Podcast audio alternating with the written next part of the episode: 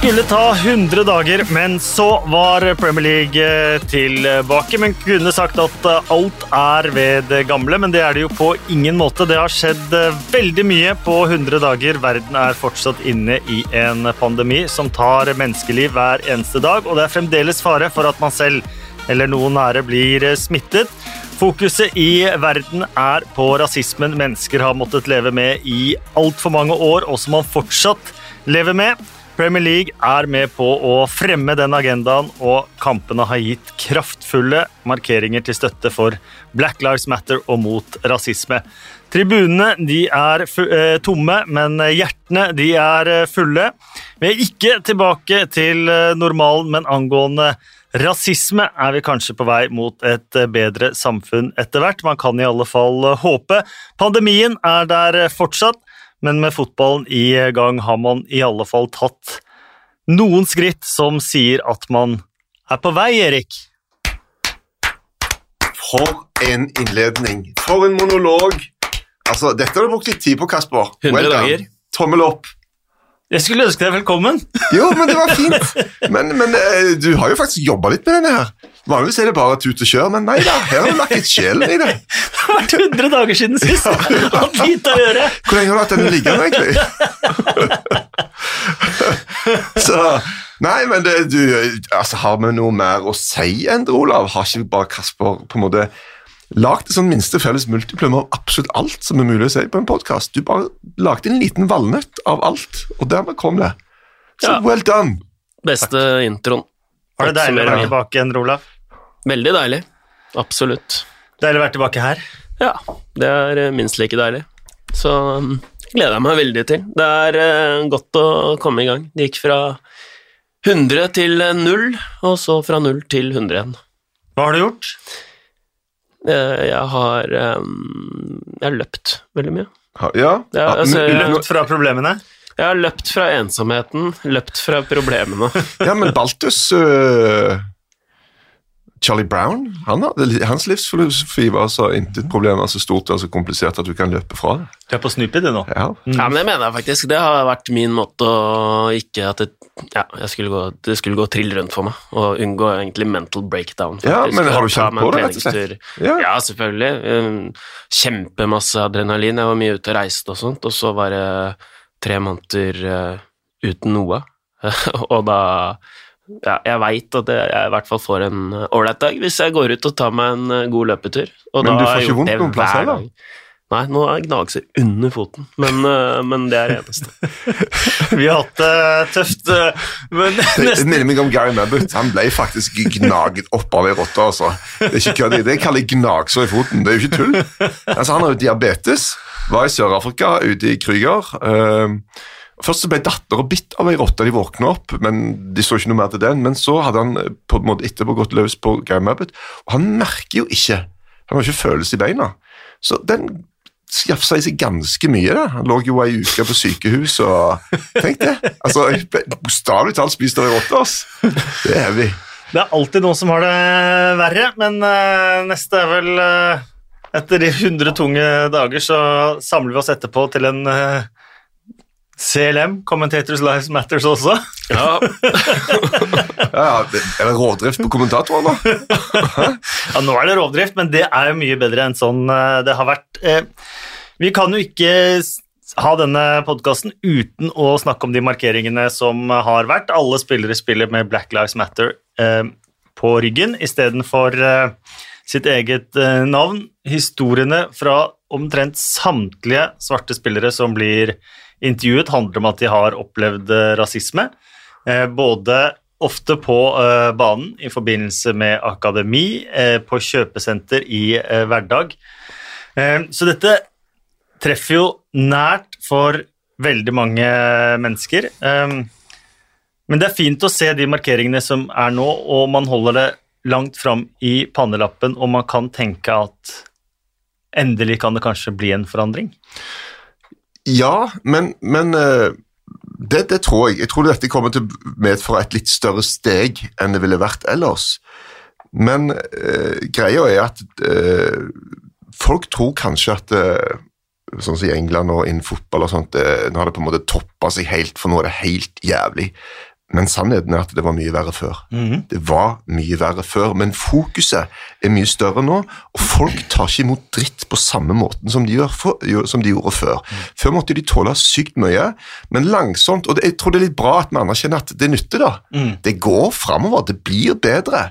Men eh, det er fortsatt langt igjen, og dette som har skjedd nå, gjør jo at en tar et, et mye mye større steg i ett jafs enn det som har vært, eh, vært tidligere. Så, eh, men nå, jo det, nå var, begynte vi jo på runde to for noen eh, lag, og det var jo Uh, samme, Jeg vet ikke hvor lenge de skal holde, holde på, men det kan godt være at de kjører ut i sesongen. kveld- Altså. I, ja, I kveld er vel siste kamp med Black Lives Matter Ja. på drakta. På drakta, ja, men, Ja. men den knegreia mm. vet ikke hvor, hvor lenge det blir. Um, ja, du har jo sikkert opplevd mye av dette her på, på nært hold med dine lagkompiser i det ugly 80s og starten på 90-tallet. Ja, ja, ja, det var mye mer, og det var jo litt sånn integrert i altså, Det var nærmest en del av dagligtalen.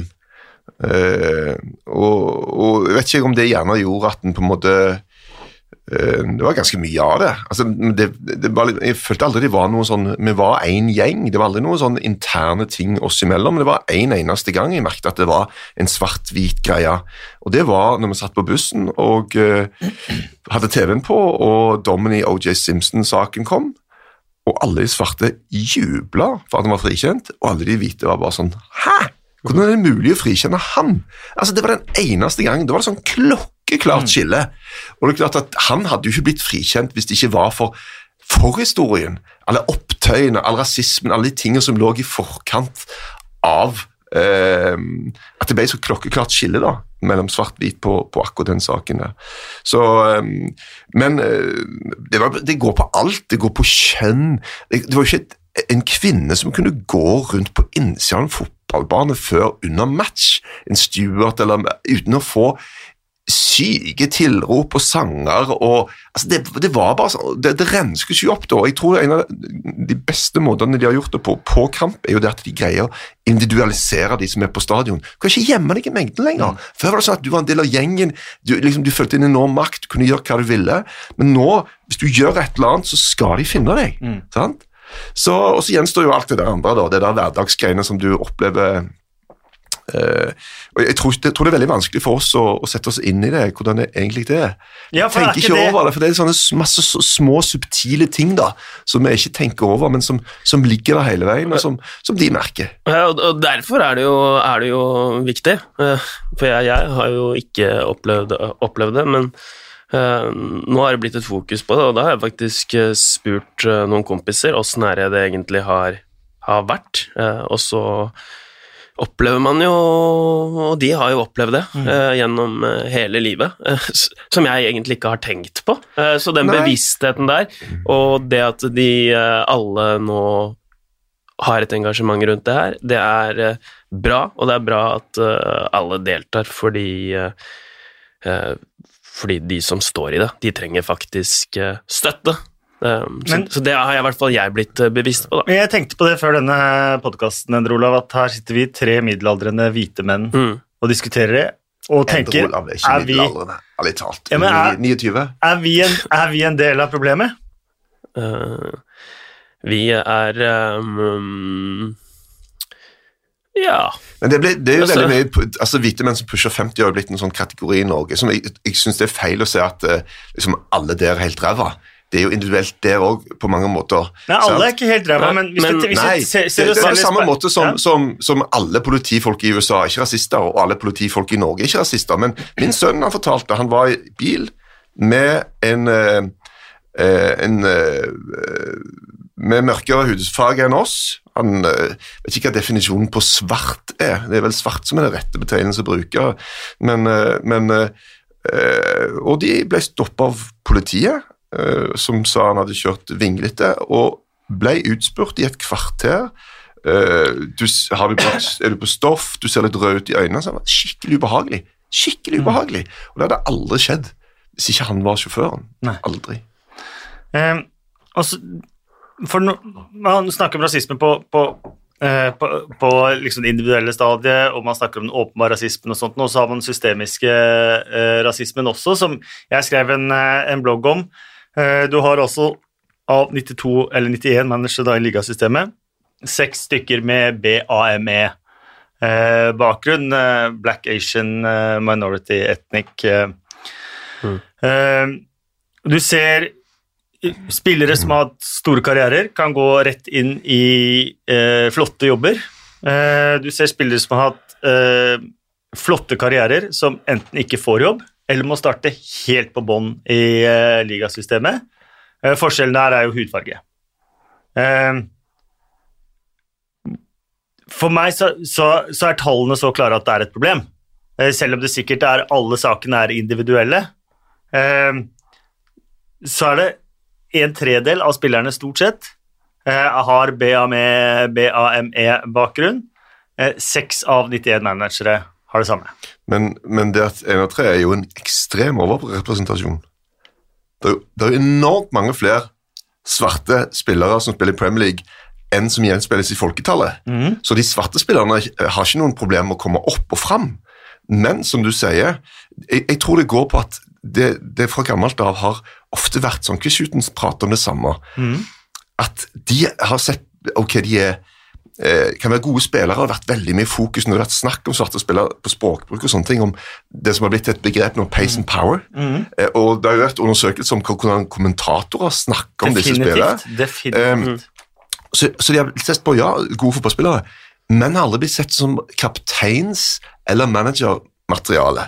Og jeg trekker parallellen til, til quarterback i, i amerikansk fotball. Mm. Jeg tror det er 67% av alle fotballspillere i NFL som er svarte. Men en veldig mye mindre del er jo quarterbacks. Og det jo, har jo vært sånn fra langt, langt tilbake. Nå begynner det å bli en del, men en stund så var det jo nesten ingen. Eh, Så, så der tank, Og det, eierne er jo ofte hvite, da. De som sitter øverst, de som er i styret, de som eier klubbene. Styrer i Premier League, Ja, ja. styre i klubbene, eier i klubbene. Det er stort sett helhvitt hele veien. Men så var det lenge òg de sa, og det er jo et argument, å si at ja, men hvis du går på trenerkursene, så er det ikke veldig mange svarte. Ble det sagt før, Det da? er, ja, men Men sånn det, er det ikke Det har, blitt, det har endra seg. Ja. Sant? Så, og, og det er klart at du må, du må ta kursene. Det må alle gjøre, uansett. Uh, men uh, men, men er, jeg, eksempel, jeg da. tenker Chris Huton, for eksempel. Han, jeg, allerede når jeg kjente han, når han spilte uh, Han var jo naboen. Mm. Han var utrolig politisk bevisst.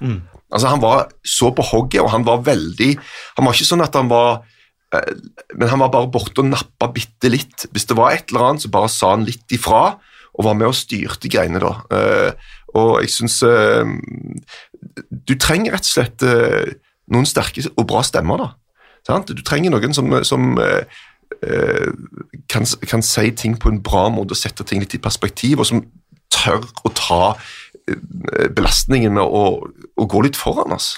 For å ta noen eksempler, da, så uh, sammenligner Ashley Cole Frank Lampard.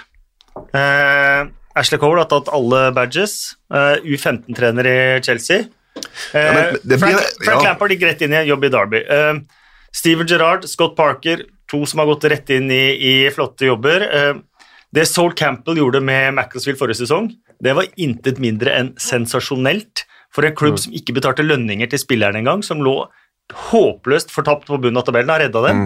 Eneste jobben som åpna seg for han nå, var South End, som lå hva var det, 10-15 poeng fra, eh, fra streken, eller under streken. Um, Darren Moore, som holdt på å gjøre et mirakel nesten med West Bromwich da de rykka ned, fikk sparken i fjerdeplass. Eneste jobben som åpnet seg for han etter det, er Doncaster, enda et nivå ned. Um, man ser mange av de eksemplene, og Paul Inns har vært inne på det òg, at svarte managere kanskje, hvis du mislykkes i én jobb, så, så kommer det glasstaket igjen med en gang, mens andre managere kan mislykkes én eller to, suksess i én. Eh, den åpningen ligger ikke, eh, ligger ikke der for alle, da. Eh, og så Igjen, alt er jo individuelt, og, og hver sak er individuelt, men når du ser det store bildet, så ser du at det stemmer i langt på vei. Ja, ehm, og det, det stikker nok eh, såpass eh, dypt, eh, det, at du har et poeng der. Um, når jeg snakker med vennene mine her hjemme, altså, sier, sier de at de må ta flere omveier uh, enn enn hvite. Eh, så, mm, så jeg tror det, det henger igjen, uh, dessverre. Men eh, forhåpentligvis da, så er det bevissthet på det nå, og forhåpentligvis er ikke det her bare en sånn en ukers, to ukers tid, men eh, noe man faktisk uh, kan eh, Ja, som kan vare litt, da, over tid. Fordi, uh, fordi eh, det er Du har nok rett, det er min oppfatning òg, at hvite kommer lettere til det, sånn sett. Det som er jo den store greia, er jo asiater. Altså, det er jo ingen omtrent asiater som vokser opp i England, altså pakistanere og øh, Som det er jo mer av. Det er jo flere av de enn de som regnes som svarte. Men det har jo vært totalt liksom vært null fotballspillere. Det har vært helt sånn, Alle har jo klødd seg i skallen, men det er klart, det går på kultur, det går på cricket, det går på masse sånne greier som har gjort at det er jo en enorm befolkning som fotballen ikke har greid på en måte å, å hente ut noen talenter fra. da, sant? Så Det har de jo en, eh, fortsatt en voldsom jobb i. Ja. Eh, ja. Vi eh, går eh, videre. Vi har tross alt spilt eh, mye fotball siden eh, sist eh, podkast òg, så lar vi den eh, ligge der med eh, både at vi er glad for at det tas tak i, at det er fokus eh, på, og at eh, vi også ser oss selv i speilet i, eh, i podkasten eh, også. Eh, de største Liverpool-optimistene de hadde vel kanskje tenkt at Premier League-trofeet kunne sikres allerede på Goodison Park. Eh, Det ble ett poeng for Liverpool, som vel har tapt fire av de siste seks tellende kampene sine nå. Eller noe. Før, før denne. Ja. Um, Så det var, det, det var en match som eh, ah, Det ble jo aldri noe bra spill, og det ble jo ikke noe vintage Liverpool i det hele tatt. Everton er vel ganske happy de, med at de eh, greide å, å stoppe og rote det til og, og, liksom lage eh, Hindre Liverpool i å få noe flyt eh, i spillet sitt i det hele tatt, og hadde jo noen gedigne sjanser på slutten der til å ta det. Så men de har egentlig lagt løpet de nå for å ta det mot Manchester City. Er det det de egentlig har gjort? Ja, det har jo ikke gjort det, men, men det kan jo fort bli sånn. Det hadde blitt men, det beste, men det kan egentlig vært det beste stedet å ta det hvis de ikke kan ta det på Goodison. Ta det mot Pep Guardiola, er det ikke det? Ja, men um, det kan jo være at de eh, må gå videre for den kampen òg, uten noe greier. Det vet du jo ikke. Nei, situasjonen er også nå at uh, Manchester City spiller mot Burnley i kveld. Uh, hvis Manchester City taper og Liverpool uh, vinner mot Crystal Palace, så tar de tittelen der. Mm. Hvis Manchester City spiller uavgjort eller vinner, eh, så kan ikke Liverpool ta tittelen mot Palace. Manchester City spiller eh, borte mot Chelsea, og hvis Liverpool har slått Crystal Palace eh, da, så vil City-tap mot Chelsea bety Liverpool-tittel. Hvis City da slår Chelsea, så kan altså Liverpool ta tittelen mot Manchester City torsdag 2. juli. Men taper de der, så må de jo gå videre. Ja. Og det, kan, det er jo ikke umulig scenario. At, at Chelsea, Chelsea At Man City uh, vinner mot Burnley, regner vel med. Uh, og så er det Chelsea borte, da. Um, vinner de den òg, så det er jo ikke noe usannsynlig scenario at de slår Liverpool eh, hjemme. Det er jo eh, Det kan fort skje. Så da, da kan det bli en litt sånn ah, litt sånn haltende greie for Liverpool eh, de før tittelen, men det skal ikke ta noe fra eh, den syke sesongen. Altså. For det, uansett om du vrir og vender på det, så er det jo To helt- øvert, ett tap. Jeg måtte bare inn og sjekke tabellen. Var det, er det så lite poeng de har tapt eh, etter den Ja. Everton-kampen? Ja. Det er helt sykt. Det er det, altså. Så um, jeg Av og til så er det ting som du Jeg sier jo mye rart. Eh, Men, men det er det andre også som gjør. Eh, Stan Collymore også sier at du kan ikke regne dette Liverpool-laget blant eh, de beste fordi motstanderne har vært så dårlig. Det har jeg Ja, en ting å si. jeg. Fuck off, altså. Ja, det var altså hvordan er det mulig? Ja. Og Roy Keane som sier at Maguire og De Gea burde få Vi bot, og de burde ikke fått lov til å være med bussen hjem. Ærlig talt, altså. Eh, Magnus eh, Moen spør på Twitter det psykologiske rundt det å spille foran ingen eh, tilskuere, og eventuell påvirkning det har f.eks. for, for nedrykksstrid. Hvor stor betydning har hjemmefans for lag og enkeltspillere? Du som har vært i det. Nei, det er jo ikke noe Det ville være veldig rart hvis det ikke har noen betydning, og det har jo vist nå at det har betydning. Eh, Det har vært litt sånn diskusjon i litt sånn nerdete statsmiljøer rundt dette her, fordi at eh, andre Bundesliga for eksempel, har jo ikke hatt samme trend som første Bundesliga.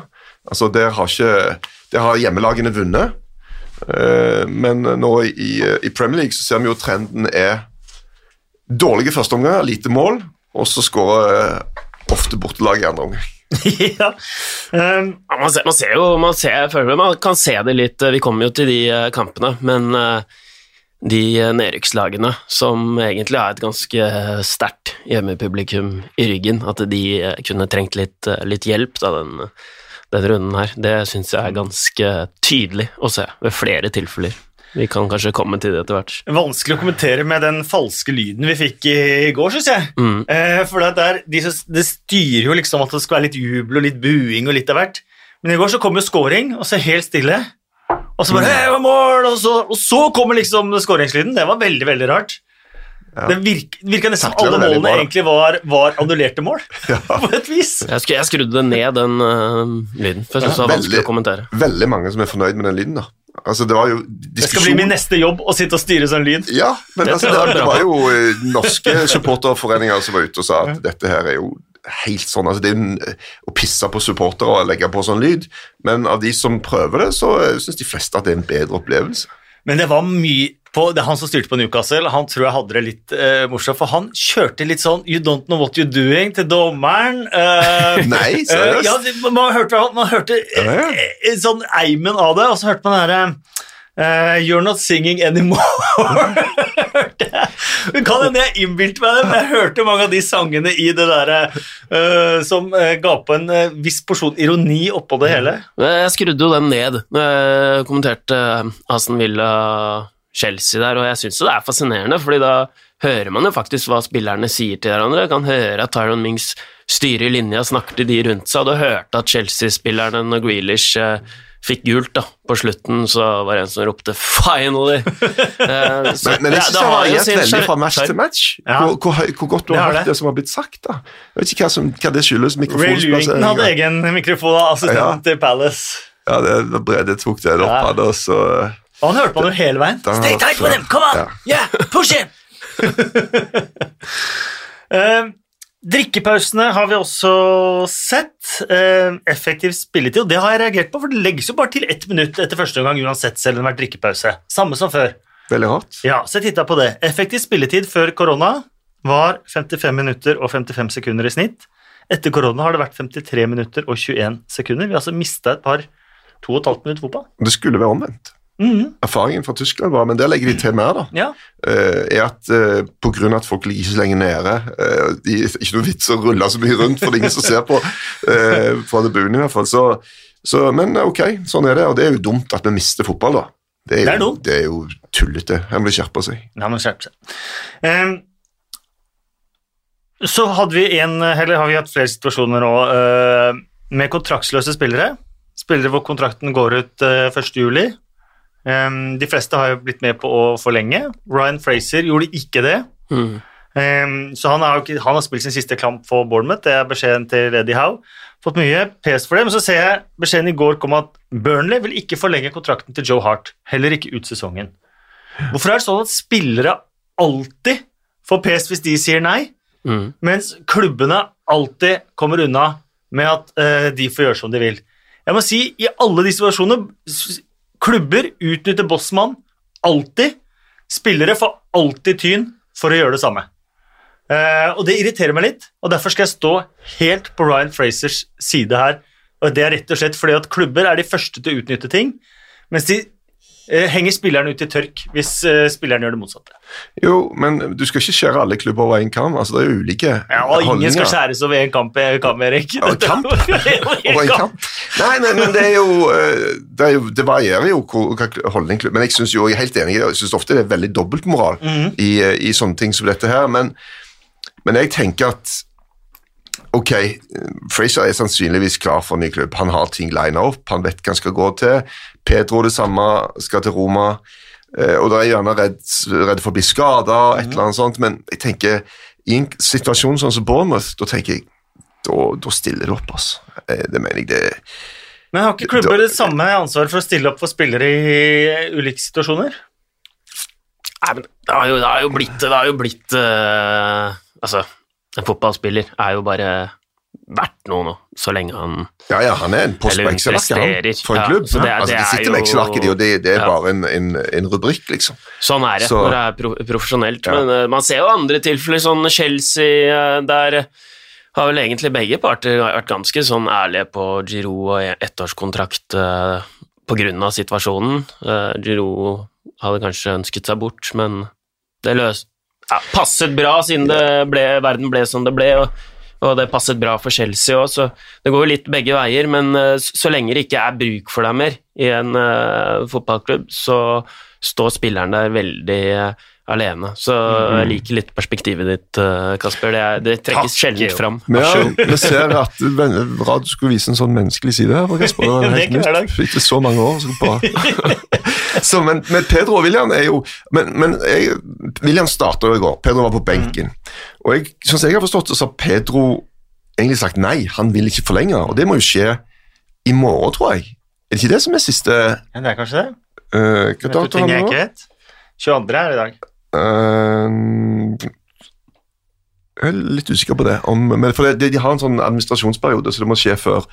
Eh, men mens William Det trodde jeg var litt Men, men han ble jo spurt om dette Lampard og sa bare de er kjempeproffe. Vi spiller helt med åpne kort. De leverer så lenge de er klar for å, å eh, tilgjengelig for kamp, så bruker vi de. Uh, Negakia på, på Westham er jo en annen ja, ung spiller som spilte sin fjerde kamp nå, han nekter jo òg å skrive under lenger enn til 30. da, og det, det må jo være en sånn rar situasjon. For, for Internt i garderoben så tenker jeg at spillerne er, de er venner uansett, men hierarkiet, resten av gjengen, trenerne, må jo se så stygt på deg at det er jo bare å gå på trening i en sånn situasjon må være veldig vanskelig, egentlig. Eh, Det var fire lag som hadde kamp til eh, gode da Premier League ble stoppet. Det var Aston Villa, eh, Sheffield United, Manchester City og Arsenal. De starta på onsdag. Vi har sett Arsenal, Sheffield United og til dels Aston Villa levere elendige prestasjoner i kamp to. Jeg trodde egentlig at det skulle være en fordel å ha en tellende kamp i, i beina. Eh, Er det tilfeldig, eller er det jeg tror det er litt, eh, litt tilfeldig, egentlig. Eh, for man så jo Aston Villa mot Chelsea, for eksempel, i begynnelsen der. Jeg syns, lag ser rustne ut, da, i i hvert fall første halvtimen. Men skulle ikke de vært litt kampen. mindre rustne etter å ha hatt en kamp i beina? Ja, men eh, jeg syns Chelsea var ja. altså, litt balltempo, men så kjørte de over eh, Villa til slutt. Eh, men det, er- det er jo forskjellen på lagene, og når Villa ikke har eh, egne supportere. Jeg tror det er en fordel å ha litt eh, kamper i beina. Ja, altså, det kan, men, men tenk utover, altså mot slutten av juli. Ja, da, det, da skal det bli skrint Da skal det gå på stumpene. Altså. Oh, ja. Da kommer vi til å drømme tilbake til de herlige dagene når de spilte rett etter koronapausen var slutt. Da var de, da var de friske. Husker du det? De føyk opp og ned langs sida der. brukte første elvere. Ja, ja, da var de gode, altså. Aston Villa, Sheffield United var den første matchen etter eh, pausen. 0-0 endte den etter at ballen hadde vært godt over linja. Hawkeye sviktet eh, rett og slett. Det er fascinerende. Det er fascinerende, og Hawkeye sa beklager etterpå. Det er første gang på 9000 tilfeller, at det, og det tror jeg dem på. Eh, og jeg syns det er vanskelig å kritisere egentlig Hawkeye, for én feil på 9000 syns jeg nesten vi burde godta, i og med at vi har hatt noen helt sinnssyke baller over linja før Hawkeye. Mm. Eh, men Chris Wilder har jo antydet at han skal saksøke Hawkeye om dette koster i Champions League-plassen. Ja, Det kommer alle til å gjøre. Det er helt idiotisk, syns jeg. Men, eh, eh, Jeg skjønner jo tankegangen der òg. men, men det er jo VAR, da. Altså, VAR må jo være på jobb. De må vite at eh, det er ikke 100% Jeg trodde det var 100% Ja, det trodde jeg. Det Det tror trodde alle alle. andre også. Ja, men nå vet de at det ikke er det, så da må de faktisk eh, følge litt med på det òg. Men hva tenker de i VAR-bussen når de ser Ja, den er over linja, men vi, vi kan ikke gripe på den, kan vi det? Hva er, hva er kutyme? Var det ikke det? De var litt eh, De hadde ikke noe De hadde ikke gode nok eh, kameravinkler, men eh, Det hadde de jo. Ja, men, men det var jo det som var begrunnelsen, at det var, det var De kunne ikke se det fordi, fra de sju kameraene, men du satt jo og kommenterte kampen, og du så det jo. Ja, man Så så, det på den der nei, så, så, så, Men snakket var om at dette var en unprecedented situasjon som de ikke har vært borti, og så de De, de, de var ikke påskrudd. Nei. og så går det jo et visst antall sekunder. For med en gang Aston Villa får jo et, eh, et frispark, og med en gang det er tatt, så er det for seint. Ja, ja. Så før de fikk summa seg og egentlig eh, uh, funnet ut at de kan overstyre det som regnes som en 100% teknologi her, så, så var det for seint. Da var det gjort. Så det de skulle gjort, var jo stoppa spillet, og så ringte han Er det Rossetti han italieneren heter, og bare Hva gjør vi nå? Har vi lov? Ja. Um, Manchester City spilte samme dag. De høvla over Arsenal etter at eh, Pablo Mari ble skadd. David Louis kom inn. Fryktelig eh, Sjaka ble skadd innom. Sjaka ble skadd Ja. der, og Bernt Leno er nå skadd etter kampen mot eh, Brighton. Eh, jeg fikk vondt av å se på David eh, Louis, må jeg innrømme der. Eh, Kevin De Brøne, fryktelig god, ikke alene om det. Leroy Sané tilbake, det var deilig å se han, en av mine egentlige favorittspillere. Det blir jo noe av det siste vi ser av han i Premier League, antageligvis, for han Mm. kommer ikke til å fornye den kontrakten. Så han forsvinner. Han forsvinner. Det er vel Bayern München han går til? Ja. Nei, ja. Et eller annet med altså, David Louis er jo en fyr, sånn fyr som mange ler av, men han har hatt en strålende karriere. Jeg har alltid, alltid likt han, jeg. Jeg. Jeg, jeg har alltid likt han. Jeg satt og tenkte på um, Han har jo vært bra, eh, i hvert fall mye bra, da, fram til eh, Arsenal nå, men nå har, nå har han rett og slett vært, stort sett vært eh, dårlig. og Ja, ja. Han ødela jo den kampen på egen hånd, det var jo et uh, forferdelig Det innhopp. Men uh, det er jo litt synd at uh, sannsynligvis så blir det så at det, altså, På fotball så er det jo det, er jo det siste folk husker best. Ja. og Så står det Det- dirrer om ny kontrakt, og så leverer han den. Ja. Det, Så det her kan jo bli ettermælet hans eh, på mange måter, og det, Ja. det er litt, eh, det er litt uh, ufortjent. Men jeg har alltid, jeg har alltid tenkt Eller i hvert fall ikke alltid, men i hvert fall i de siste sju årene, da. Hvorfor ikke defensiv midtbane? Så han alltid kan ha noen bak seg når han gjør de tinga der. Mm. For han er en utrolig god ballspiller. Han kan skyte, han har mange av de egenskapene du vil ha i en defensiv midtbanespiller. da. Skal du være helt trygg, så tror jeg vi må sette den opp på spissplass. Altså. Det, Det er litt sånn da må det være Gundersen. litt flere Jeg folk tror han kunne bak. vært en brukbar spiss òg. Ja. Men, men Maren Gjelde det i Chelsea skryter jo veldig av han. da. Han er den hyggeligste Ja. fyren å møte etter kamp i spilltunnel og på de intervjuene etterpå. og Sånn. Og han drar alltid en norsk glose eller eh, tre når han eh, skjønner at det er norsk eh, TV. Så jeg, jeg, jeg digger fyren. Ja. Må innrømme det. Han har jo på en måte lillebroren sin på sentral midtbane der i Gunduzi. De er, men de er jo litt like i spillestilen også, kanskje. Ja. Er det sånn det hadde, hadde sett ut? Men hva var det han sa? At det var, han hadde bare to, to uker igjen nå uansett. ja. Men han fulgte opp med at han gjerne vil ha ny kontrakt, Ja. og at eh, og Arteta også Ja, ja. Ville ha han, ja, så, ja. Men det er vel de oppe som bestemmer, da. De ser veldig gjerne Bare, så, bare legge til at jeg tror altså, Endre Olav hadde passet sånn Gendosi og David Louis hår. Altså, han, Ikke mange av oss som hadde på en måte som har fjes til å bære Nei, du så mye kvelder. det- Men Endre det, Olav, jeg tror jeg faktisk Du har fått enda litt mer sånn bibelsk preg, kanskje. Arsen Wengers sjefsspeider Jill Grimandi med knallhard kritikk, sånn apropos av de oppover i systemet i uh, Arsenal. Sanlehi, som er vel sportsdirektør, uh, og um, hva skal man si eh, transferstrategien til Arsenal, at det er fullstendig planløst. Ja, det ser jo litt sånn ut. Det er uh, Antyder meg jo det i pausen uh, på, på matchen til Arsenal uh, nå sist, da, men så skåra jo PP i andre omgang, så var det ikke planløs uh, innkjøpspolitikk uansett. Genial innkjøpspolitikk. Så, men, men jeg vet da søren, jeg Hva var det han hette, han der fyren som, som var der, som forsvant ut igjen ganske kjapt? Um, ja, Edu er der fortsatt. ja, Ja. men han der Sanlehi, eller hva du kalte Ja. han, eh, er han der ennå? Nei, han, Det var han som var der og gikk. Han var der ja, ja, ja. ja. Mm. Det var han som var liksom smått geniforklart, ja. men som en ja, for han sånn kom fra Barca.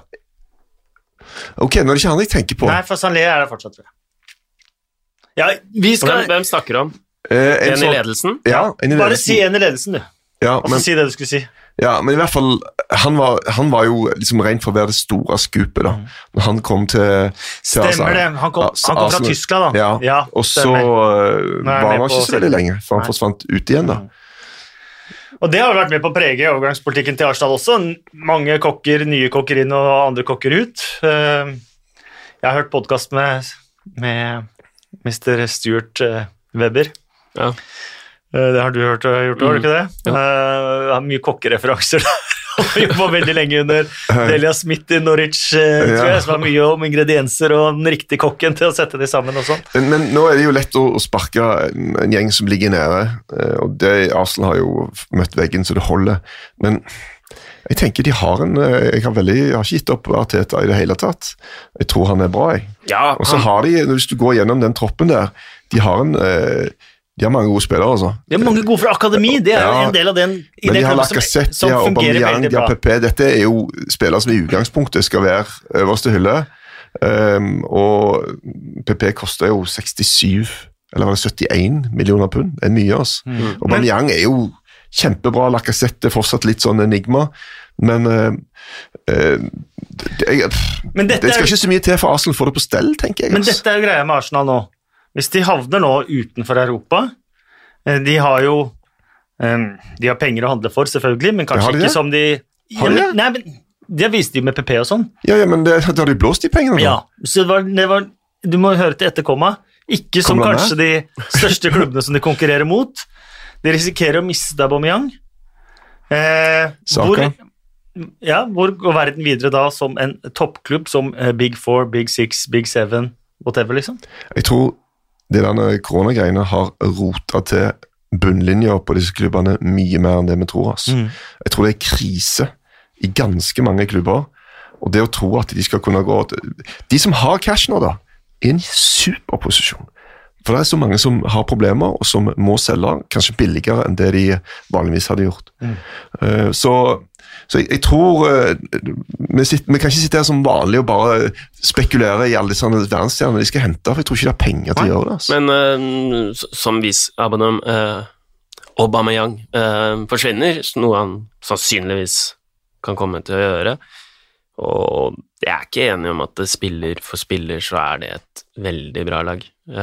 Som sagt, mye bra akademispillere som, de, som absolutt har vært inne og levert, men eh, de som er hentet for eh, store summer og liksom skal være impact player, da, players eh, rundt dem, har jo rett og slett ikke vært eh, gode nok. Aubameyang, han har, eh, det er han som gjør målene til det laget der. Ingen andre rundt ham. Det er ikke Og det er ikke bare jeg som uh, har pekt på det, at uh, kanskje er rett og slett laget ikke bra nok. De har ikke hatt færre poeng etter 30 kamper siden var det 83-84. Under Don Howe. Ja, og det er det eh, De som uh, sto og hoppte og venga out Nå er det jo litt sånn ok, nå er vi der, da. Det er jo sånn uh, careful what you wish for. Ja. Men, men Wenger, det var nok løpet var nok kjørt uansett. Men den, det blir da en smertefull uh, transition period etter det, og de står midt oppi det nå. Eh, Norwich har vi sendt ned i denne podkasten i eh, lang tid, eh, lenge før de 100 dagene. De bekreftet veldig inntrykket man har av de at nå ser de ut som en næringsklubb nedrykksklubb på alle mulige måter Ja, også. men herregud, første kvarteret der, da. første kvarteret var de gode, men sånn har det vært i veldig mange kamper. de bare kasta seg over Southampton og bare gulpa de opp, bortsett fra å skåre, da. Men, men det er Og sånn når de ble trøtte, så ble de straffa. Men det er sånn klassisk eh, Det er sånn klassisk nedrykkslag, da. Definitivt. Som eh, er oppe og er, blåser over motstanderen det første kvarteret. Får ikke mål, eh, så tar motstanderen mer og mer over. Så er det kamp som står og vipper, så kommer det første målet. Jeg vet ikke når det kom, men la oss ja, litt uh, ut i andre omgang, og så bare går lufta egentlig ut av dem. Det er for meg sånn klassisk uh, nedrykkslag. Da blir det alltid kamp i sånn 60 minutter, og så er kampen over. Og det, det, det de kampene jeg har sett av dem eh, og kommentert de, så er det De har hatt mye uflaks òg, og det, det holder på en måte ikke bare å være dårlig da, for å rykke ned. Eh, man må ha litt uflaks i tillegg, og de har hatt eh, i hvert fall uflaks. Mm. Nye stoppere på skadelista ut uh, Og skader, og skader. Både Zimmermann og Hanley ute for sesongen, Mm. og Sam Byram. Så Southampton imponerer jo ekstremt. Danny Ings igjen med scoring. Vi hadde en annen kamp på fredag også, Tottenham 1, Manchester United eh, 1. Eh, Da kan du fortelle hva Roy Keane sa om David De Gea. Han sa I'm sick and tired of this guy. Uh, ja, I should find him, syns jeg de sa. Mm, fikk ikke være på bussen hjem. Ikke være med på bussen hjem. Nei, det er voldsomt. Oppskrytt. Ja, så uh, Men den der der uh, Av og til er det vanskelig å sitte og liksom prøve å forsvare keeperne, men det der er, når du ser det bakfra Når han skyter, du, du oppfatter nesten ingenting før du ser at nettet beveger seg. Det er knallhardt, altså. Og da har han til og med vært innom hånda til, til Geir i forkant. Så det er ikke så Det er nok vanskeligere enn det ser ut, men selvfølgelig eh, han, han går jo i garderoben der til pause med en dårlig følelse. Han vet at uh, han kommer jo nesten midt på, men sabla hardt. Og Dårligere etter å ha sjekka sosiale medier etter kampen. Det bør han ikke gjøre. Ikke sånn at Jordan Pickford som sier at han innen 30 sekunder han har kommet inn i garderoben, så sjekker han om hva de mener om han på Twitter. Det er ganske sykt. Paul Pogba tilbake. eh, Det viste seg Det har man gleda seg til, å se han og Bruno sammen, og det viste seg å være ganske artig. Ja, det var, det var eh, artig. Og det var jo Han hadde impact på den eh, kampen, han, Paul Pogba. Akkurat som han skal og bør, og nå fikk han ligge litt dypere i banen og bruke kreativiteten sin, og det Ja, de kan spille sammen, de, og han bør jo spille. jeg tenker også det, det der diskusjonene er litt sånn ja, Det går ikke, de kan ikke spille sammen, men det går jo på hvordan du setter opp laget, og hva instruksjoner spillerne får. og Jeg tror denne her perioden her kan være litt sånn eh, nå er det sikkert Pogba han liker å spille fotball, så han må jo være spillesugen. Og så har han fullt fokus nå disse ukene. Nå skal jeg gi jernet. Det, det kan bli veldig bra. altså. Eh, Solskjærs svakhet eksponert, var det flere som mente etterpå. Eh, Blant annet eh, José Mourinho selv. Han er veldig glad i å fremheve sine egne kampplaner, men Solskjær har jo gode resultater mot de beste lagene denne sesongen, dårlige resultater mot de svakeste lagene denne sesongen, og det når blant de gode lagene, sånn som Tottenham, fremstår som et, svakt, eh, et av de svake lagene man ligger bakpå og la Manchester United triller ball, så sliter jo Solskjærs lag med en gang. Ja, Syns du de sleit? Altså, Jeg syns det var en kamp de hadde fortjent å vinne, borte mot Tottenham. Jeg syns ikke det er mye å sette fingeren på med den prestasjonen er, der. det er mange av de kampene mot eh, de re- pressede Ja, ja, ja. også de også hadde fortjent å vinne, men som ikke har fått med seg mer enn ett eller null poeng. Nei, men, men sånn som nå, isolert sett denne ene kampen her, så syns jeg ikke at uh, uh, Altså, hvis jeg skal etter den kampen skal tenke hmm, hvem kommer til å Hvis jeg hadde ligget dønn likt i poeng, da, hvem tror jeg kommer til å havne øverst på tabellen? Satt pengene på Man United. Ja, Den første kampen de, de spilte, så, så viser jo faktisk Manchester United at de har kommet en lang vei eh, siden da. Da møtte de jo Porcetinos eh, sitt Tottenham, så det, så Ja, ja. det går ikke an å sammenligne sånn, men da ble de jo faktisk kjørt hele kampen, og så klarte de allikevel Eh, å vinne. Definitivt. Det ble jo rundspilt. Ja. Da fikk De Gea skryt! Ja, men jeg syns ikke, Tottenham var dårlige nå. Jeg synes det var, altså, men I første omgang så var Tottenham helt ok, men, eh, men andre omgangen var jo altså, Å se et lag det er greit nok å si at vi skal ligge, bak, ligge bakpå og være kompakte og gjøre det vanskelig for dem, for vi vet de sliter mot den type motstand, men når du bare ser at de fortvilt står og bare lemper ballen ut bare for å få den unna, og så får de ny bølge og ny bølge og ny bølge Til slutt så pleier de å, få, pleier de å bli straffa, altså. Eh, Tottenham, kanskje de største profitørene på oppholdet. Eh, de var helt nede på beinet før eh, koronaavbruddet. Kampen mot Chelsea, kanskje det verste som Mourinho omtrent kasta før kampen, både med uttalelser og laguttak. Fått tilbake en del spillere, men ja. Jeg kjenner jo en del Tottenham-supportere, de er ikke veldig fornøyd med Mourinho.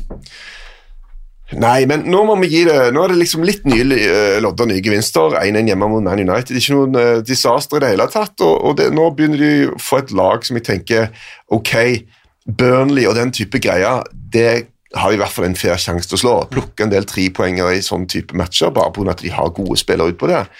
Men det, hvor bra Harry Kane er nå, er jo eh, helt umulig å vite på grunnlag av den kampen der. Det var jo liksom ikke lett for han, selvfølgelig, og så var det ganske tungt og trått eh, å se på Harry Kane òg, og det er ofte etter at han har vært ute lenge. Jeg fikk presentert en eh, teori her på Ja, det var fredag etter Tottenham-kampen. Et par jeg så kamp sammen med.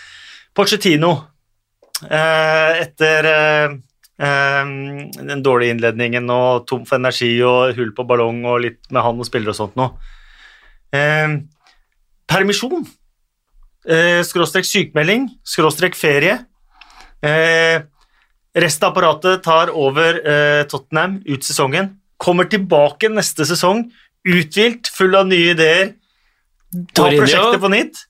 Nei Det eh, er Pochettino. Ja, Pochettino. Ja. Ja. ja. Det sa jeg Mourinho. Jeg, Nei, men, nei. jeg mente Pochettino. Ja, altså Hadde, Men, men hvis, de hadde, hvis de hadde gjort det, da De hadde blitt så sykt slakta. Altså, det har vært så mye altså, men man må skal tenke nytt Ja, i dagens fotball. Og, og jeg beundrer de som bare driter i sosiale medier og Guardian og absolutt alle de tusenvis av sidene som skriver om, om fotball, men, men det hadde blitt sett på som vingling, og det hadde, det hadde blitt slakta, altså. Men hvis det hadde funka, så fair enough. Altså, Jeg tror det kunne funka. Havna på en De blir jo Hvis Pochettino hadde, og, og, og, det rest, og de resten av Tottenhams sportsapparat, ikke Mourinho, hadde tatt over De kunne havna alt fra tiende til I Italia hadde det gått. kanskje. I Serie A hadde det gått. Og så komme tilbake, Pochettino, frisk, full av nye ideer, starte dette prosjektet på nytt. Ja, og, og vi har jo hatt noen lignende tilfeller, da. For eksempel eh, Luis Enrique. Ja. Spansk landslagssjef. Det er det er et landslag, men hans eh, datter ble jo alvorlig syk og døde. Så han var jo vekke lenge og kom tilbake igjen. Og i en sånn situasjon så hadde de jo kanskje gjort akkurat det du sier, da. Og da hadde det blitt akseptert. Da hadde alle bare sagt det var helt greit. Men tatt det bevisste valget bare for at eh, nå må jeg eh, spillerne får litt fri fra meg, nå er de lei av meg, eller nå må jeg gå og ta et kurs og lære anger management, eller et eller annet. da. Så ja, men altså, du, eh, du bør jobbe ganske høyt opp i hierarkiet i en fotballklubb, eh, Kasper, for du har mange gode ideer. Det har jeg sagt alt, alltid, alltid, men denne ideen var ikke min. Eh, Watford møtte en som har vært din, Kasper. Men én du ikke har lest et annet sted. Eh, Watford eh, mot Leicester. Eh, det blir jo alltid eh, nesten eh, ekstremt når de eh, møtes. Jeg var jo der i 2013 eh, i playoff-semifinalen, da Leicester kunne skyte seg til Wembley med straffe på overtid. Brant straffen, Troy Deeney eh, kontra inn eh, vinnermålet. Watford til eh, Wembley, banestorming etter villeste avslutningen på fotballkamp noensinne. Da, eh, det har jeg fortalt om her før, da gikk jeg jo fem minutter før dette skjedde. eh, For jeg skulle rekke flyet, så det har jo Det tenker jeg fortsatt på, eh, stadig vekk. Det måtte jo bli tidenes avslutning. Jeg hørte det i taxien på vei til Heathrow at Yes, dette tenkte jeg. Det kom til å skje. En light-versjon av det denne gangen. Ja, det var Det var Kommenterte den kampen, det har jo vært en stor overgang uten publikum, også for kommentatorer, ikke bare seere CLM. ja. Um, men det var faktisk en kamp hvor man liksom glemte det, da. Uh, hvor det var den derre Premier League-nerven, Premier League-dramatikken. Uh, Syns egentlig det var en bra 0-0-kamp helt fram til Chilwell bare måkte ballen i, i krysset.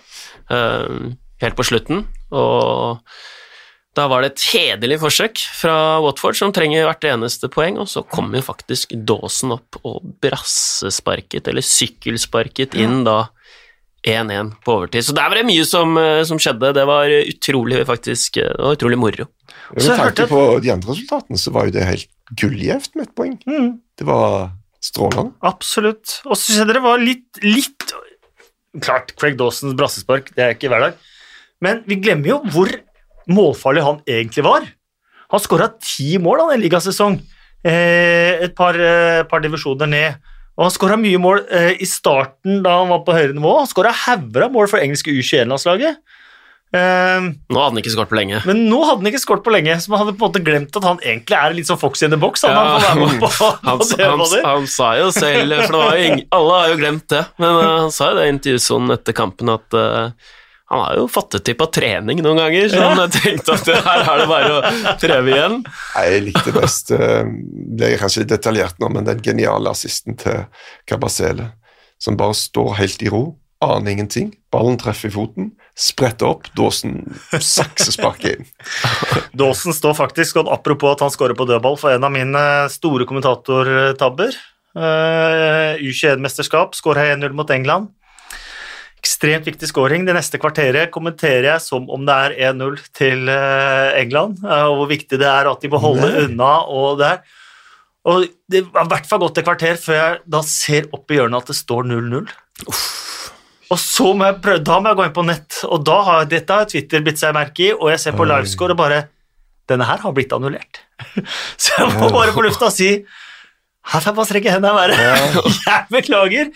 For det kom ingen repriser. Det kom skåringsjubel, og så var spillet i gang igjen. Så man så ikke noe avspark eller noen ting for å forsvare meg bitte litt. Mm. Men en av, kanskje min største kommentatortabbe var det Craig eh, Dawson som eh, ga meg med å få annullert uh, skåringa si. Men var det den kampen du kalte han for Craig Dawson Creek i to ganger 45? Jeg kalte Jeg tror det var det, altså. Jeg kalte George Boldock for Sam Boldock en gang i går, og det er jo, det er jo broren hans. Eh, Sam Boldock, en eh, hurtig spiss som aldri har lyktes på det øverste nivået som bror eh, George. Wolverhampton de er blant de lagene som ser akkurat like bra ut som de gjorde før pausen. Høvle over Westham eh, 2-0, og det er selvfølgelig Doherty, og det er Adama Traoré, og det er Jimenez, og det er Pedro Neto, selvfølgelig, og han ser så utrolig spennende ut. De er bare, Mm. De er bare like kule, de. Ja, og her må vi rett og slett dypdykke bitte litt bak og gi så sabla mye skryt til, det- til en del folk som jobber i Wolverhampton. Med, det var da deres 48. match for Ja. sesongen, og de har jo roterer lite på laget. De reiser på kryss og tvers i Europa, og de har jo veldig lite skader. Mm. Og stiller stort sett den samme gjengen, som springer utpå der og leverer kamp etter kamp. Så den, altså det, Der er bare noen gode folk, altså. For det er ikke tilfeldig, det greiene der. Ting som går på eh, ernæring, fysioterapi, skadeforebygging, eh, hvordan du skal porsjonere ut kampbelastning. Det er bare helt eh, enormt hvordan de har, eh, hvor gode de har vært på det. Um, Så kom jo Traoré inn og så ut som akkurat som før. Ja.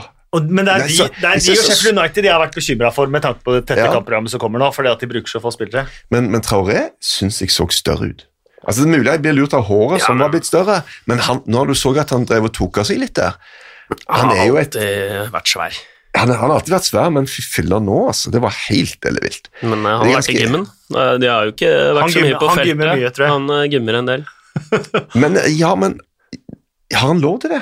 Egentlig. Det er en del av de sånne, som er så svære som er sånn du får ikke lov til å gå i gymmen, for da blir du så svær. foran, Men det er de som er litt mindre enn Adama Traoré, tenker jeg. Ja. Jeg tenker Når du har klart å kombinere det så bra som han har, for han har jo alltid vært, eller nå i hvert fall de siste sesongene, så sett ut som han er for stor, Ja. men han har kombinert det med fortsatt være eksplosiv, holde ut, ikke få disse belastningsskadene så mye og sånt noe. Da tenker jeg, da blir det litt frislipp. Det er mer med alle de spillerne som egentlig er hurtige, raske, smidige, og som plutselig kommer tre kilo tyngre, og så mister de mye av det, og så kommer det hamstringskade, også Ja, Det er mange som går i, eh, i styrkeromfella, som, som, har- som har det der, og så, og så forsvinner alt det når man Mm. er mye i gymmen. Men han syns jeg faktisk eh, etter hvert eh, Han har egentlig sett mer og mer smidig Mm. ut, mm. selv om han har, blitt eh, enda mer muskuløs. Da. De siste sesongene før, før løp han mest eh, rett fram, men nå, nå har han Mm. jo de retningsforandringer som ingen andre, egentlig. Pluss har blitt mye bedre til å ta avgjørelser, og mye bedre til å slå innlegg. Mm.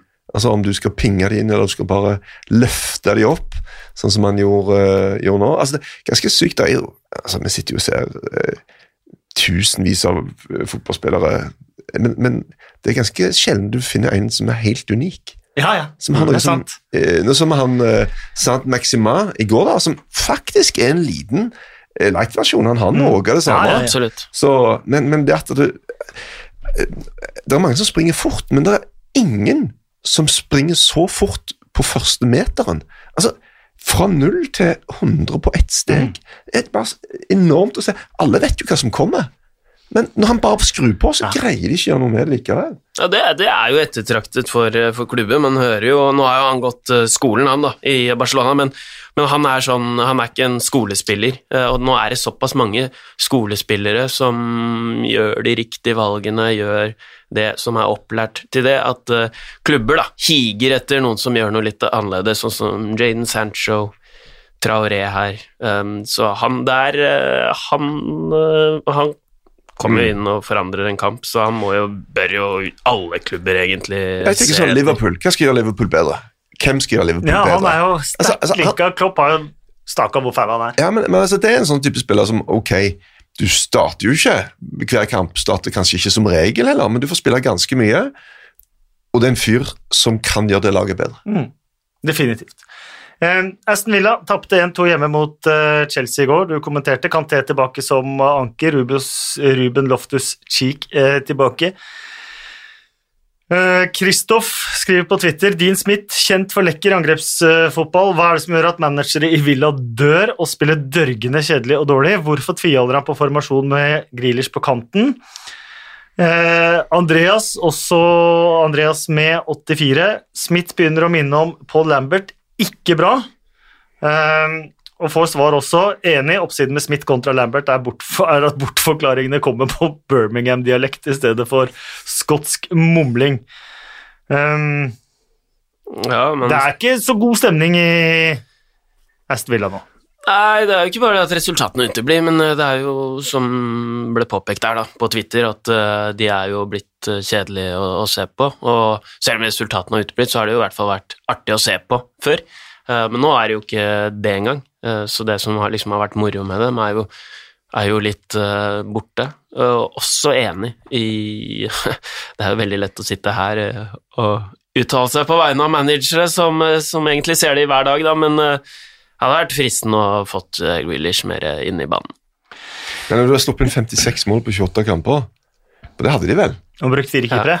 Ja. ja, altså, da tenker jeg at da må du stenge igjen. Altså, da, da nytter det nesten å si hva du gjør. Men, ja, ja, og det syns jeg jo de egentlig Ok, nå ble de kjørt grundig nå, da, men, men de har sluppet inn eh, nå eh, to mål på to kamper.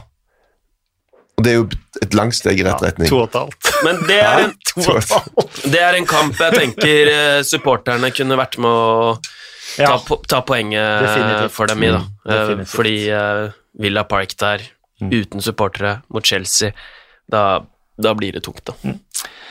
Newcastle 3, Sheffield United 0.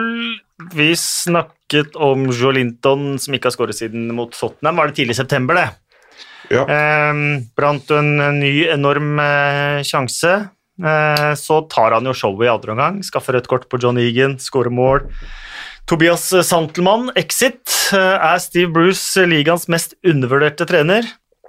Nei da, han er ikke det. Eh, men nå er det vel kortere vei til femteplassen enn, enn til nedrykk. La mm. det synke inn. Ja. Så jeg kan jo ikke annet enn å si at det der har gått enormt mye bedre enn eh, de fleste satt og trodde i august, for da var det dårlig stemning. Og, så har Men eh, altså, før denne kampen så hadde vel kun uh, John Joe Shelby skåret mer enn to mål. Det er ganske sykt mm. for et lag mm -hmm. som har spilt uh, nesten 30 kamper. Ja. Så nå er det vel fortsatt det samme, er det det? Ja, nå har i hvert fall Jolinton 2. ja. Så, men, men eh, Ja, men jeg tror jo at hvis selv eh, Hvis Newcastle-fansen blir spurt hvem vil du ha, vil du ha Steve Bruce eller Pochettino? Mm. Så tror de fleste går for Pochettino. Ja, men han har gjort en uh, god jobb. Han har faktisk gjort, uh, han har faktisk gjort det litt bedre enn Benitez òg nå. Så, um, ja. så um, de, Men de har, de har, rare De har rare underliggende tall, da. Det har de. Uh, og det er klart de, de skårer tre mål, men de, de spiller mot ti mann, så, så, ting faller på plass for dem. det har de gjort på så mange måter. Forrige gang òg, mot Southampton, var jo òg mot ti mann. Mm. De vant 1-0 borte rett før koronapausen. Men det, de så. har jo spillere som det de, de, passer egentlig dem å ikke ha så mye ball.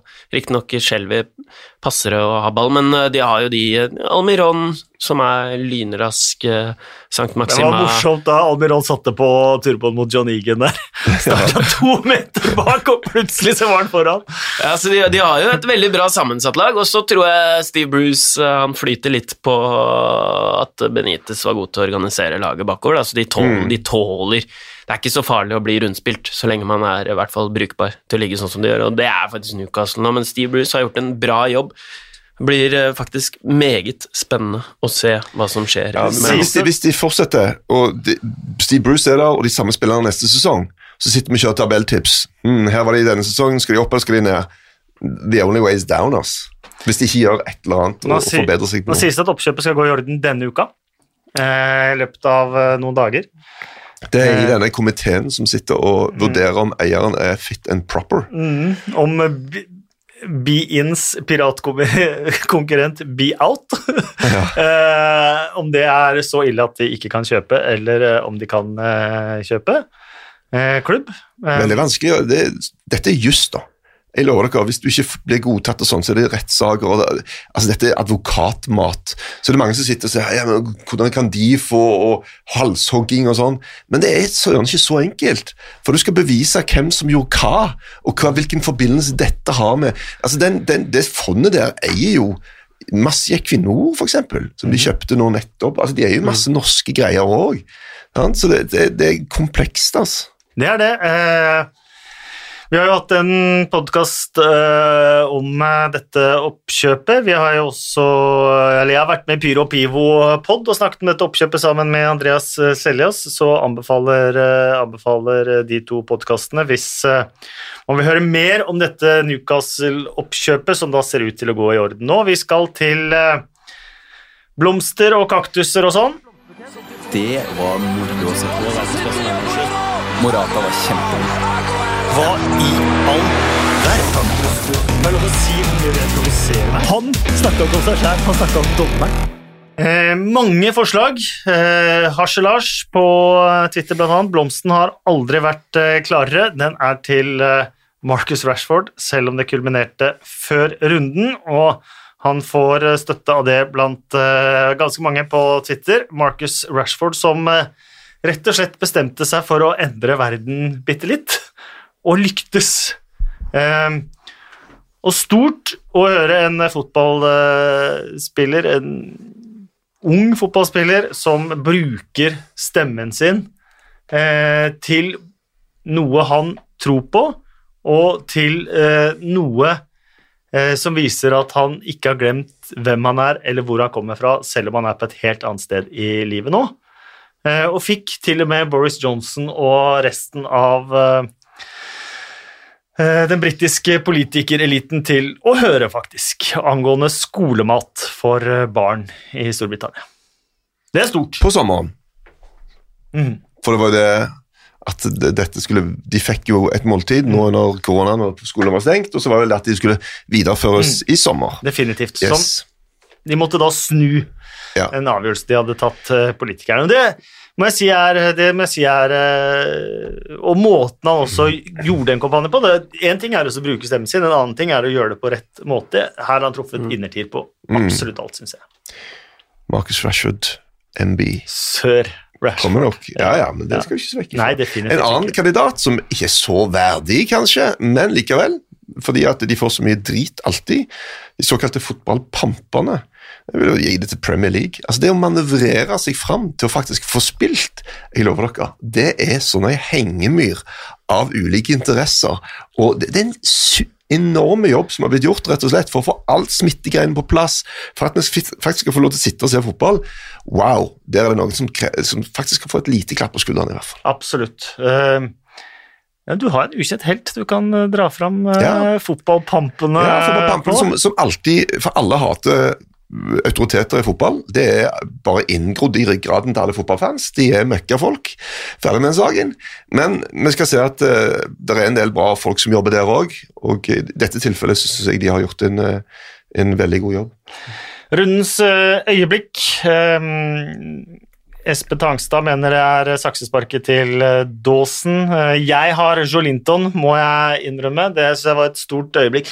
Fantastisk at han klarte å score mens kona fortsatt var gravid, da. Ja. For det var ikke selvsagt. Jeg vil jo si at det er et øyeblikk, eh, og det er han som jeg har hatt en tendens til å kalle for Mopai, men som Mopé. alle, alle kommentatorer kaller for Mopé. Eh, altså, det er, to, det er to store vinnere fra denne runden her. Vil jeg si, og Det er Wolverhampton, og det er Brighton. Mm. Brighton hadde jeg nede. Altså, Se på det kampprogrammet.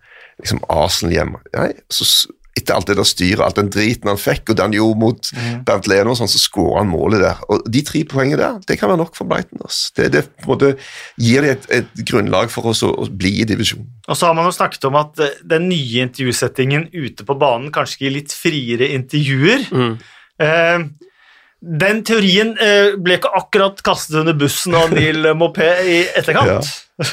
Nei, han, øh, han var øh, artig. Han, han sa jo at eh, For det var jo en situasjon etterpå der og hvor øh, hvor Gunduzi tok strupetak på Ja, ja. Jeg vet ikke jeg, hva du sikter til i det intervjuet, men han mente i hvert fall at det var en del Arsenal-spillere som pratet for mye. De burde bli mer ydmyke. Ja. Særlig når de leda. leder. Særlig når de leda, så var det Mm. mye prat uh, Ja, klart. Han har fått høre det. Selvfølgelig. De har vært ute til han hele matchen. Og så gjør han det greiene der, da. Uh, og jeg må si om den situasjonen at eh, han, han ser, han prøver å gå for ballen. Han gjør ikke det. Han prøver å markere sitt nærvær, og det gjør folk hele veien ut på banen. Og At det går som det går med Bernt Leno, er bare drituflaks. altså. han sa han er jo en sånn spiller òg, som, som spiller på det. Ja. Som eh, tråkker til litt eh, der. Og, Men det hørtes Det er en av de gangene jeg var ikke glad for å høre ting som ble sagt på banen. Altså. For det skrikinga der var ikke bra. nei, det var grusomt. Eh, kaktusen, der eh, ser Twitter ut til å være enstemmig eh, på Hawkeye. Ja. De fortjener en kaktus på Ja, det. men jeg, Ja, de alt, jeg syns det er stas.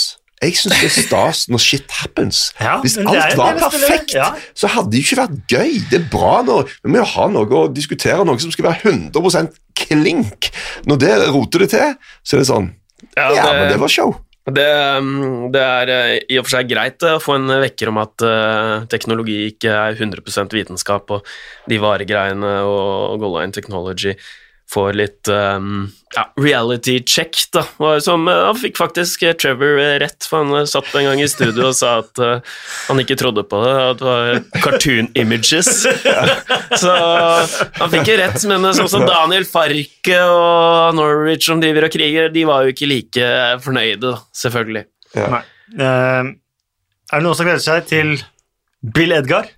Ja, ja, ja. Very much so.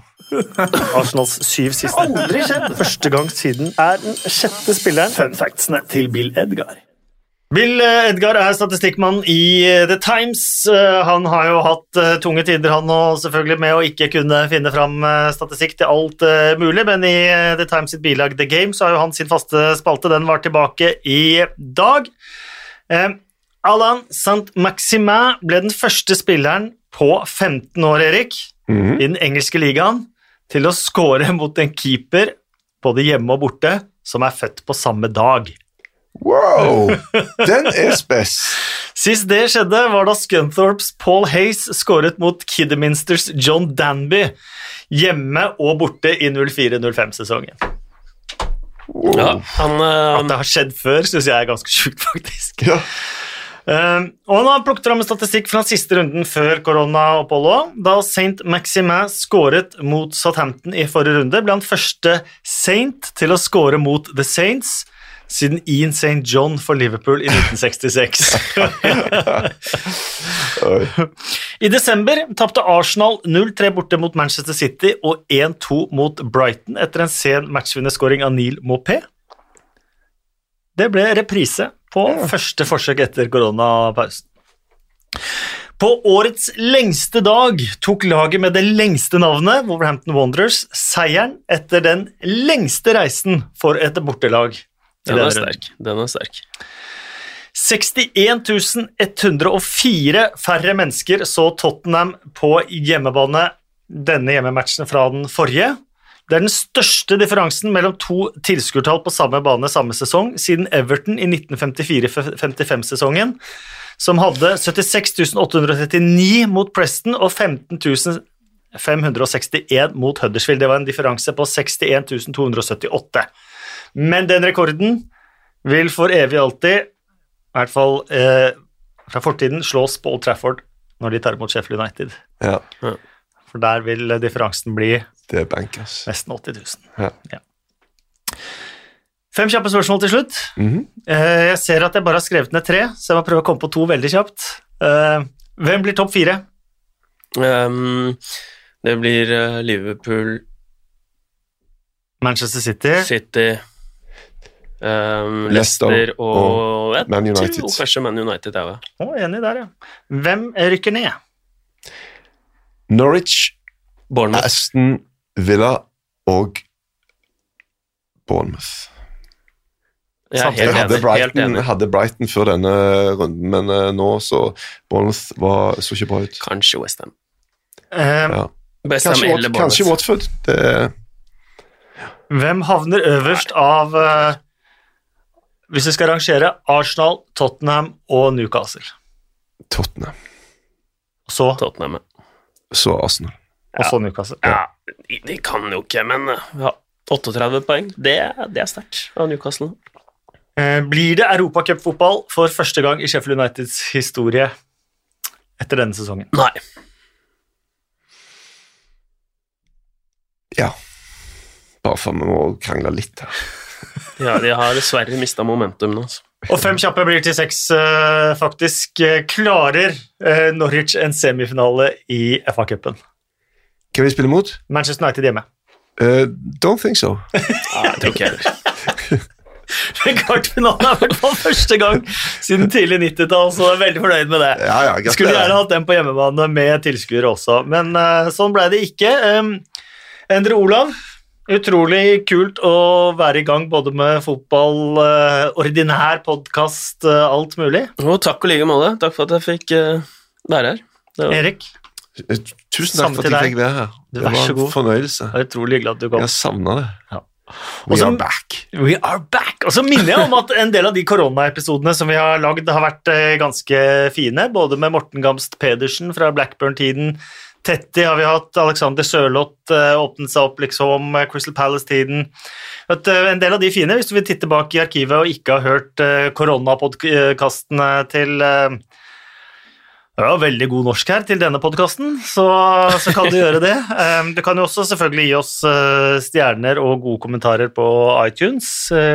Kan du hogge hodet av oss på Twitter? ja, Har du egentlig et horn til, i siden til meg, Erik?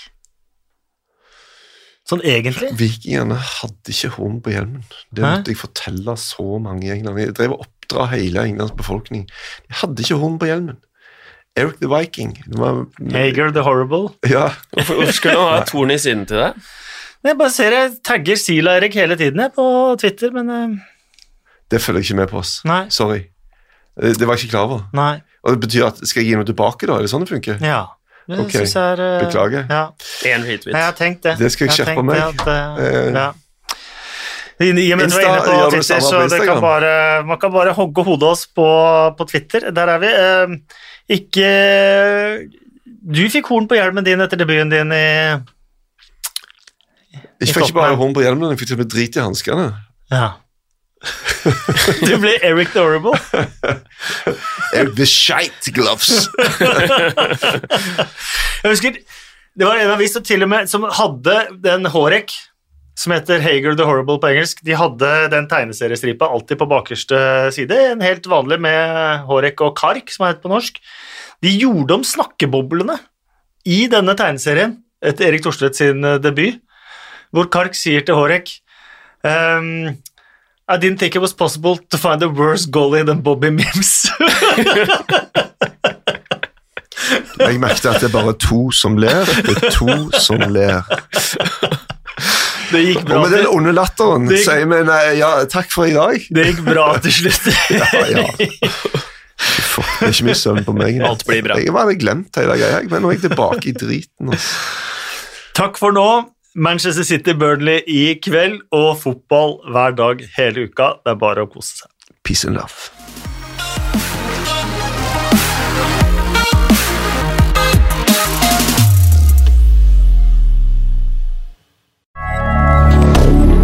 moderne media.